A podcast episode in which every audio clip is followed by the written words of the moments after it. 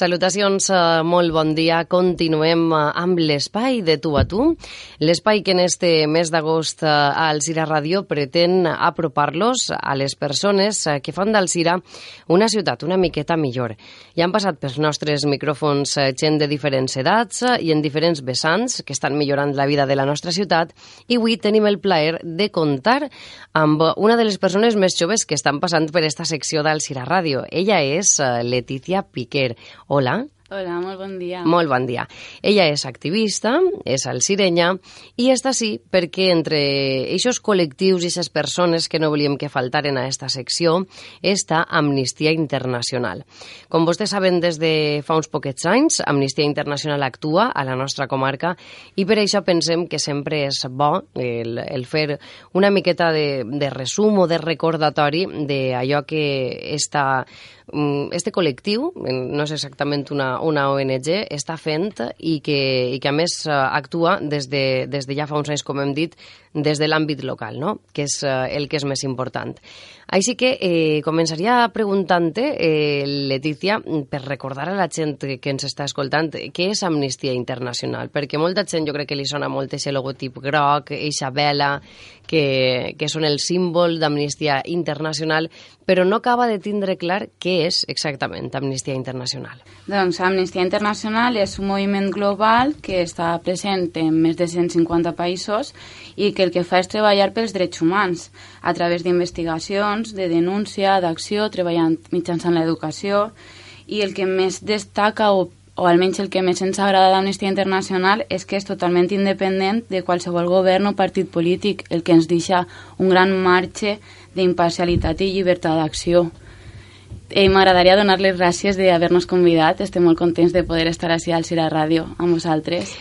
Eh, sens dubte, eh, jo personalment de seguida, quan vam decidir fer aquesta secció, vaig pensar Amnistia Internacional ha de vindre, perquè esteu presents en moltes ocasions, també en molts esdeveniments que es fan al CIRA, quasi sempre que teniu ocasió, sí. munteu el vostre stand per a fer-vos visibles, per a recordar que esteu ahí i quin és el vostre treball però eh, tinguent l'ocasió de poder parlar amb vosaltres d'una manera més pausada, de que poguereu explicar-ho tot millor, mm, vaig pensar que era un bon moment no? per a reprendre aquestes converses que hem tingut en moltes ocasions, perquè eh, Amnistia Internacional, com deia, molta gent no sap exactament eh, quin és el seu motiu de ser, a què es dedica, què simbolitza aquesta vela que, que, que s'acompanya sempre al, al cartell d'Amnistia Internacional, i ara tu, en certa manera, eh, ja ens has dit una miqueta què és exactament Amnistia Internacional. Sí que volem saber eh, com es forma el grup a la comarca, no? perquè Amnistia ja porta dècades treballant arreu del món, com tu has dit, esteu presents en 150 països, uh mhm. -huh. però el nostre grup, diguem, el grup d'ací de, de la comarca de la Ribera és molt més jove.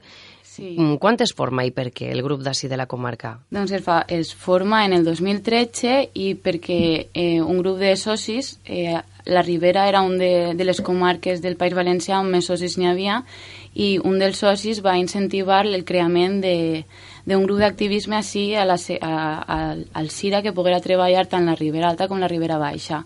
Aleshores es van posar en contacte amb el grup autonòmic de València i amb el secretariat estatal a Madrid i estigueren supercontents de, de poder treballar també a nivell local. No? Com deies tu abans, que és molt important també treballar eh, dins de les poblacions, on no tenim a lo millor tanta facilitat com a València, que n'hi ha tant moviment més cultural o més de formació cívica.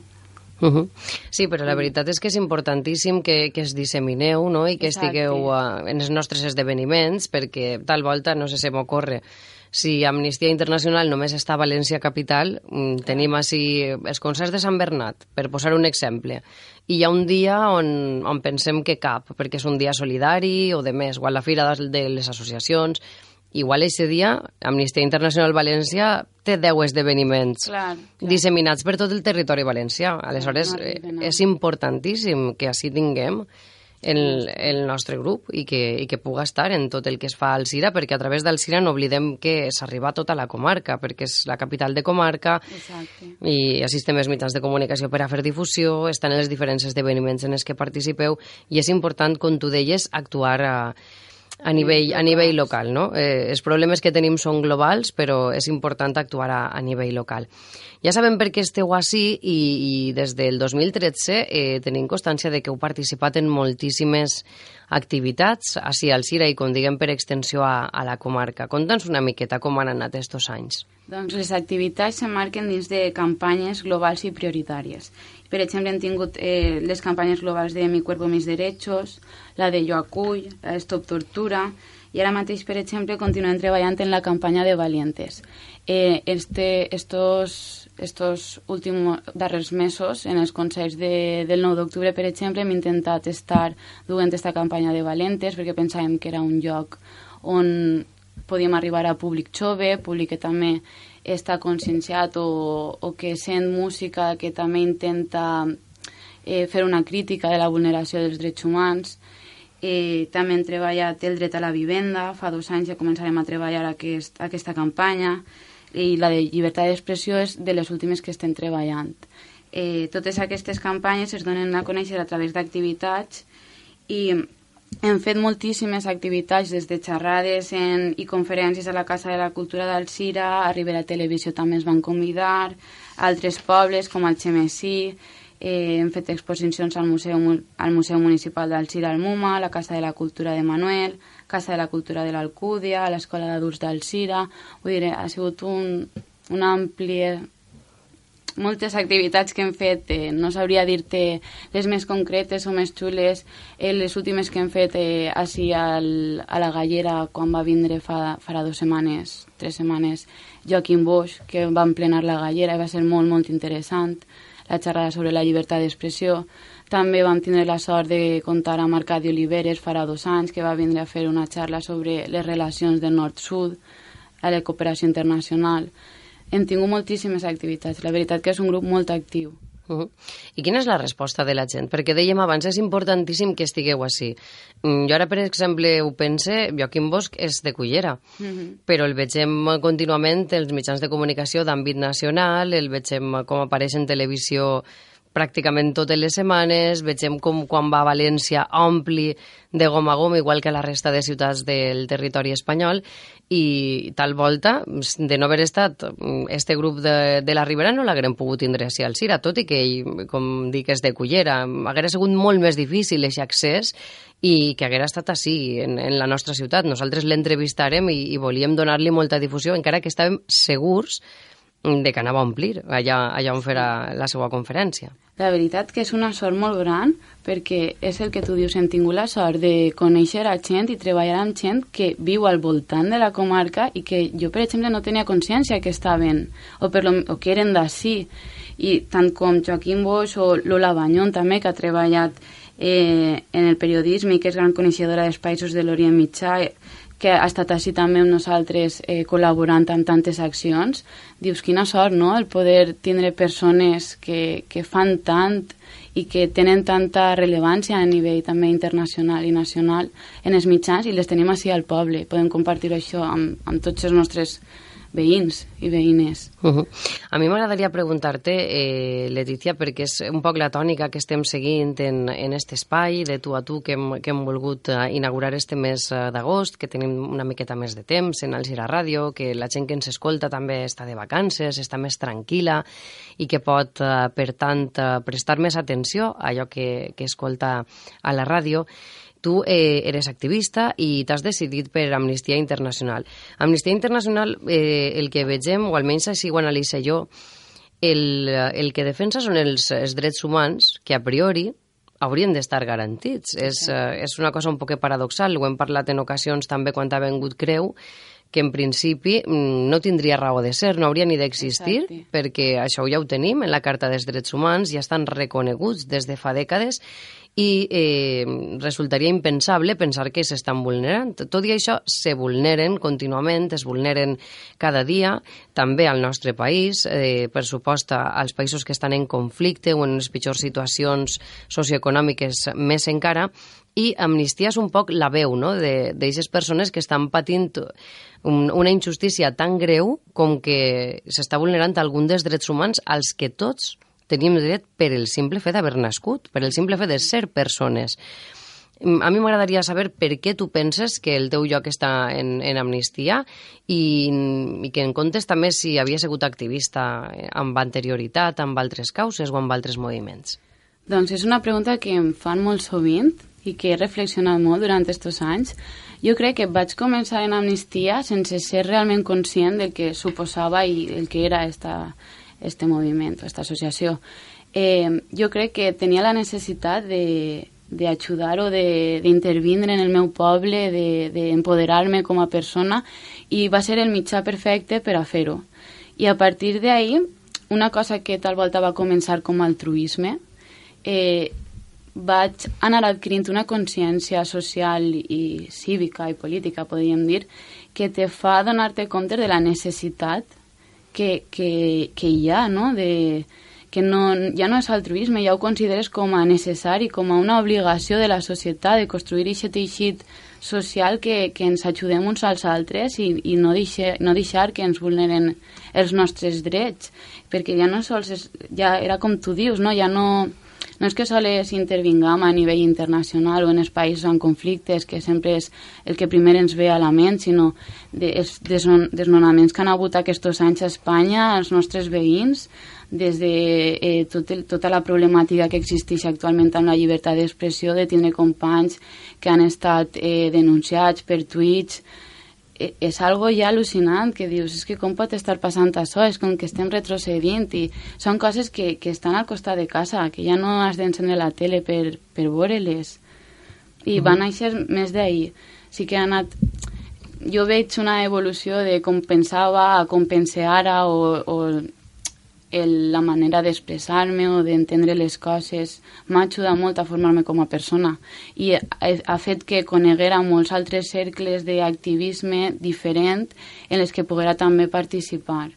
Eh, eh, ara també, per exemple, a partir d'Amnistia vaig conèixer Escoles Solidàries, que és una associació eh, que treballa en les escoles i treballa també a Guatemala i també està treballant en Nicaragua molt xula, en la que he pogut eh, formar-me també en, en intervenció internacional, en cooperació perdó, internacional, i he pogut estar allà a les comunitats de l'ISCAN, i també, eh, vull dir, ha sigut una eixida cap a moltes altres sectors de la societat i de grups de gent molt interessants que m'ha donat l'oportunitat de conèixer.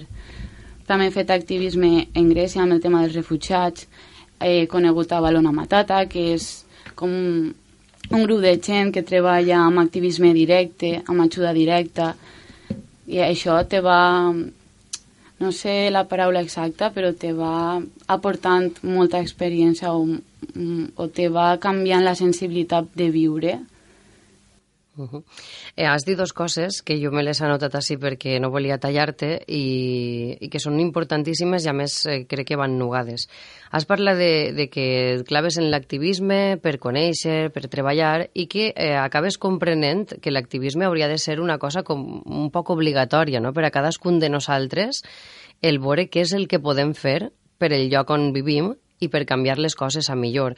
És un poc el denominador comú de tots els que heu passat sí. per aquesta secció, cadascú a través de l'ecologisme, a través de la cultura, a través de la llengua, a través d'allò que és la seva passió el que pensa és que no pot quedar-se-ho per a si mateixa, sinó que ho ha de diguem, compartir eh, en el lloc on, on li ha tocat viure i, per tant, millorar, no? Eh, tant la vida d'aquesta gent, en aquest cas seria un poc millorar les consciències, no? O sacsejar-les un sí. poc, recordar que hi ha gent que està ahí patint aquests abusos i que no té garantits els drets humans.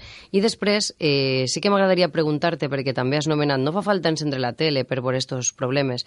És que, clar, jo crec que precisament ahí tenim el problema que en la tele, en la tele m'incloc i, per supost, tots els mitjans de comunicació tenim errades i ens deixem dur un poc per, per el, per el que prima, per el que és, per interessos, per, per sense voler un poc et claves en això i fixa't el que vaig a dir, crec que en els mitjans de comunicació local en ocasions trobem la llibertat que no trobes sí. en altres mitjans de comunicació més, més importants, més grans o que arriben més. Els mitjans de comunicació som un poc els que decidim què importa i què no, què ha passat i què no ha passat.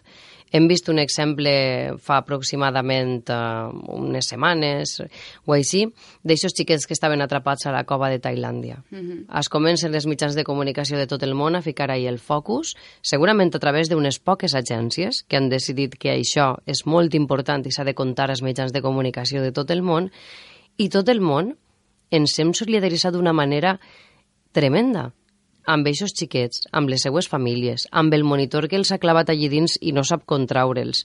Per què? Perquè ens ho han contat. I han estat allí per a veure què passava, si els treien, si no els treien, mor una persona mentre tracta de traure'ls. I, clar, eh, es crea una situació dramàtica en la que tots hem volgut participar i ens hem solidaritzat. I no oblidem que això passa perquè així ho han decidit alguns mitjans de comunicació, algunes, ja dic, algunes agències que, que són les que manegen els fils a, de la comunicació a tot el món. Si hagueren decidit que això no era notícia, segurament aquests xiquets hagueren mort o no dins d'eixa cova, però no ens haguerem enterat. No ho hagueren sabut. I això no és el problema. El problema és que no es posa el focus on, on s'ha de posar, perquè milers de xiquets, de dones, d'homes, veuen vulnerats els seus drets, molts milers també d'homes i dones moren com va morir aquest heroi per salvar els, els xiques de la cova de Tailàndia. El problema és que no ens ho conta ningú o que ens ho conten d'una manera sesgada o fiquen el focus mm, com de cantó, no? Per a... Sí, això està passant, però no et preocupes massa per això. Jo t'ho contaré una vegada cada dos o tres mesos quan passa alguna cosa extraordinària o quan algú com Amnistia Internacional es preocupe de que esta gent continua ahí però és, és un greu problema. I per això et preguntaria, mm, què penses que poden fer els mitjans de comunicació o com penses que Amnistia Internacional pot, a través dels mitjans de comunicació, amb tot el que he dit, que m'has de disculpar, però volia fer aquesta reflexió, eh, per tal de que això canvia, de que el focus el posem en les coses realment importants, que és un poc el que tu estàs fent a la nostra ciutat i el que Amnistia està fent a la nostra comarca i arreu del món.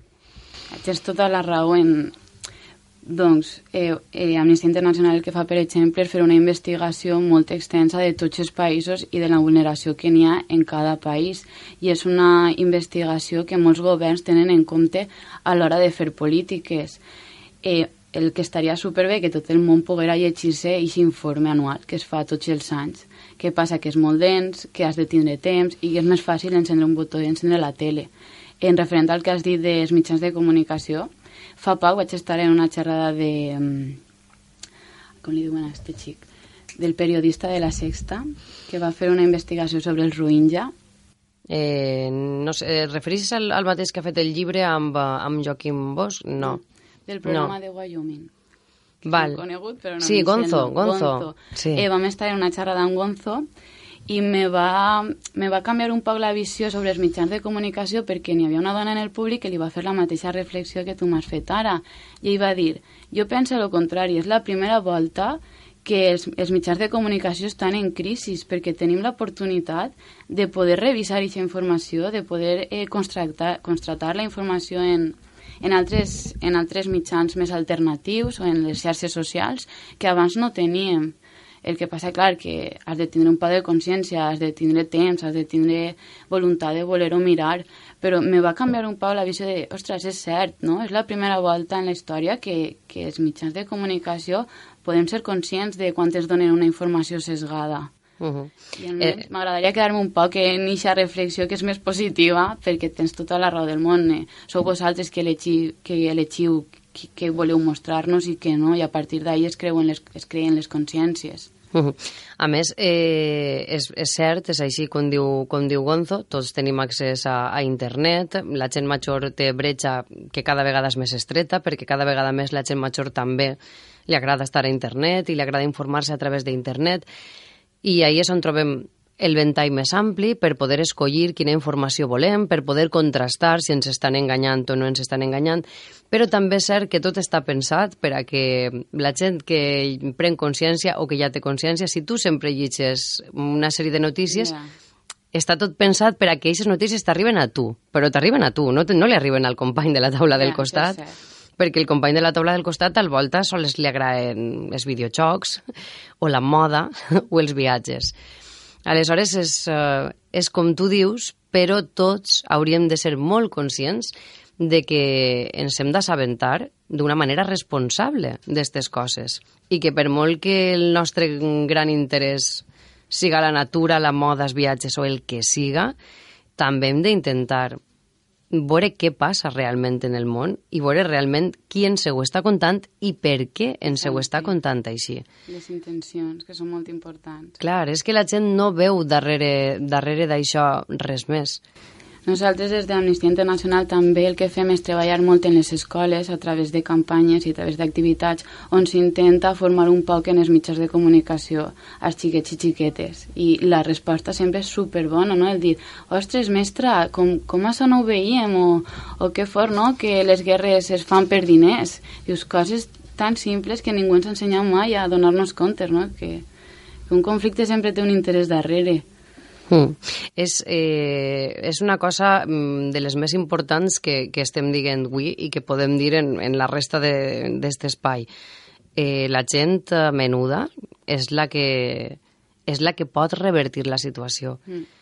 Perquè si tu a un xiquet des de ben menut li ensenyes a ser crític, a plantejar-se les coses més enllà del que li estan venent, a veure que hi ha altres realitats, a veure que si al costat eh, té un company moro, búlgaro o d'on siga, darrere hi ha una història, hi ha una realitat i, i les coses passen i per això ell està així, ho canvies tot, sí. absolutament tot. I és més quasi desconstruir-los que formar-los, perquè jo, jo sóc mestra i he estat en, en totes les edats i te dones compte com els xiquets més xicotets no tenen cap tipus de prejudici, no veuen diferències entre ells i conforme van creixent es van creant no? aquestes diferències que abans no veien o no visualitzaven. Sí, és important i és un treball de l'escola, però també sobretot dels pares perquè a les escoles eh, la inclusió existeix i ha d'existir, perquè cada vegada la gent cohabita no? amb persones de diferents races, de diferents cultures, i, i això es treballa bé des dels col·legis. Però si després a casa els pares no, no fem un esforç i no, i no vegem com aportar no, la, la, la, nostra, la nostra experiència i com deixar que els nostres fills siguin persones crítiques i, i lliures en aquest aspecte ho tenim complicat. M'agradaria eh, preguntar-te eh, també per aquestes col·laboracions que Amnistia ha fet amb altres organismes d'ací de, de la comarca i de, i de la ciutat perquè sí que és important ressaltar que el Cira i la comarca tenen un teixit importantíssim de, de gent activista sí. com tu en altres causes i com en ocasions és important no? juntar aquests esforços, veure com funcionen aquestes sinergies i, i d'esta manera arribar a, més a, a la societat. La veritat que estem molt contentes perquè hem tingut molt bona rebuda del públic, hem pogut treballar en, en CEPAIM, en Tirius, en, en treballar també en Dones i Poesia, en les Dones per la Igualtat, en l'Associació de Dones Juristes i últimament les idees que, que hem tingut, perquè clar, ells també són molt actius en els seus camps per a no, o per a poder eh, unificar aquesta energia, el que hem pensat és fer una taula de convivència on totes aquestes associacions puguem eh, juntar-nos una volta cada mes o cada dos mesos i poder fer eh, activitats en comú, perquè CEPAIM fa moltes accions molt interessants, eh, du el seu públic, eh, eh, Tirius, Tirius també fa, Dones i Poesia també, les dones juristes també en fan, i és una manera també de tot i aquest teixit social que s'està creant tan xulo de poder dur-ho tot, tots a una, a la mateixa direcció i poder abarcar quan més públic millor. I, i la veritat que això ens, ens fa molt feliços, estem molt contents de poder trobar tanta gent activista i en tan bona actitud. Uh -huh. Jo la veritat puc dir que els anys que porte així una de les coses que més m'ha sorprès i també ho he dit a altres convidats és eh, com Alcira és una ciutat molt conscienciada, molt amb qualsevol causa. Mm, jo en arribar inclús m'abrumava veure mm, quants col·lectius hi havien, perquè clar, tots, sí. tots volien parlar a la ràdio, tots volien eh, participar en algun espai, i jo deia, és que així n'hi ha de tot, és que així hi ha una malaltia, hi ha una associació de familiars, hi ha una causa, hi ha darrere gent, i això és boníssim, perquè això és el que parlàvem al principi d'esta conversa, la gent té consciència d'aixòs problemes. La diferència que jo trobo amb Amnistia Internacional és que preneu consciència de problemes que no vos són propis, diguem, els agafeu. Sí. però, però empatisseu en gent que té problemes que per sort no heu patit. Sí. I, I això també és, és important que estigui ahí, perquè, clar, si eh, jo tinc un desnonament, és normal que jo em posi darrere d'una plataforma. Si ma mare té càncer, és normal que, que jo vull gastar en Dagma. Però eh, darrere d'Amnistia hi ha gent que realment, per sort, no ha patit estos, estos abusos dels que estem parlant i no ha vist vulnerats els seus drets humans, o sigui que és important donar, donar veu. Sí que m'agradaria abans d'acabar i per a que la gent prenga consciència de que el que estem parlant eh, passa en altres llocs però també passa així, que la gent sàpiga que, que a la ciutat d'Alzira, jo ho he parlat moltes voltes en, en Creu, i a, i a altres poblacions de la comarca, hi ha gent que viu refugiada, no de ara, que és un problema, diguem, més recent o que hem vist més als mitjans de comunicació, sinó que des de fa anys hi ha gent que viu així, que ha vingut sí. a través de l'exili, que ha demanat un refugi i que ha hagut de trobar així una manera de, de començar de zero per dir un problema que la gent ara mateixa li és Clar, pareix que el, el drama dels refugiats és actual i porta ja molts anys, el problemàtica a les nostres fronteres. Sí, normalment del tema de persones refugiades s'encarreguen més eh, Creu Roja o CEPAIM perquè són eh, des de CEAR, se, quan arriben a, a Espanya, és com el protocol de, de refugiat, no? se posa en marxa i des de CEAR els, els envien a CEPAIM i a, i a, i a, I a Creu Roja. Creu Roja. I ells treballen més en aquest sector. Nosaltres el que fem és més campanyes de conscienciació, de visualització i, per supost, de tot el suport que nosaltres puguem donar-li a aquestes associacions. Per exemple, hem tingut així refugiades eh, Yolanda O'Kelly, que va estar en l'última fira d'associacions, que era refugiada guatemalteca i estava en perill la seva vida per, per haver defensat eh, recursos de Guatemala en contra de, de les mineres. També hem tingut a... a ai, com es deien? no, és igual, que hi ha, hi ha, hi ha exemples no? de persones sí, que, sí. que han, vingut a parar al Zira i que, i que heu canalitzat a través d'Amnistia perquè realment als seus països perillava la seva vida i per Exacte. això se'n van. Però que és el que tu dius, que aquest drama porta ja molts anys, no és una moda ara nova, uh -huh. començant a fer veure en alguns mitjans. Bé, eh, passaria tot el dia parlant amb, amb Letícia Piquer. És una sort tindre gent tan jove i que es preocupe tant per una societat millor i que treballe des de l'àmbit local els problemes globals que tenim, en aquest cas, tota la humanitat. I sí que m'agradaria fer-te la pregunta que els faig a tots els meus convidats. Quina, Alcira, t'agradaria veure mm, d'ací a un futur o inclús en generacions venideres, encara que tu i jo ja no estiguerem així? Quina Alcira t'agradaria? M'agradaria veure una ciutat neta de pintades feixistes, m'agradaria veure una ciutat participativa, respectuosa, solidària, M'agradaria veure una ciutat que eix al carrer quan hi ha quan hi ha una vulneració de drets, tant nostres com externs, i jo crec que a poc a poc s'està aconseguint. Jo crec que sí. Jo crec que la gent quan comença a manejar-se es dona compte que no està sola. Mm. Que al costat, darrere una pancarta, o en el carrer, quan toca estar en el carrer, sempre hi ha gent al voltant, davant i darrere, i dius, veus, no, sí, no sóc una boja. Ja, a voltes te sents un poc el perro verde, però, però bueno, també trobes molta gent que té la mateixa, mateixa sensibilitat que tu en aquest sentit pues tant de bo hi siguin molta gent la que decidirà mm, d'una manera com, com ho ha fet Letícia, ben jove, l'implicar-se, el mullar-se, el, el remangar-se i l'estar ahí per una societat millor. Ella ho ha fet a través d'Amnistia Internacional la, la Ribera, però ja saben que hi ha moltes causes i, i moltes formes de lluitar per una societat millor. No sé si vols afegir alguna cosa abans d'acomiadar-nos.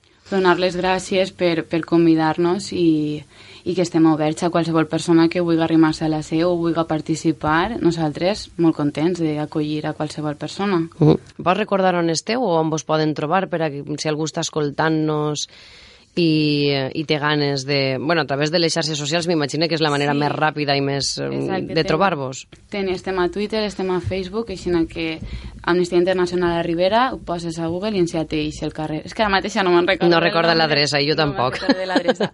Està al costat de Mobles Blai. Ah, és una bona referència, jo crec sí, no? que tots coneixen on està Muebles Blaias i Alcira, li fem una miqueta de publicitat i eh, ja saben eh, que poden trobar-los a través de les xarxes socials d'una manera molt ràpida. Letícia Piquer, moltíssimes gràcies per haver vingut. El que dic sempre quan passeu per ací, ojalà passareu més sovint i que el que vaig dir des del primer dia, quan arribareu en 2013. Amnistia Internacional té els micròfons d'Alcira Ràdio oberts. Moltíssimes gràcies. A tu.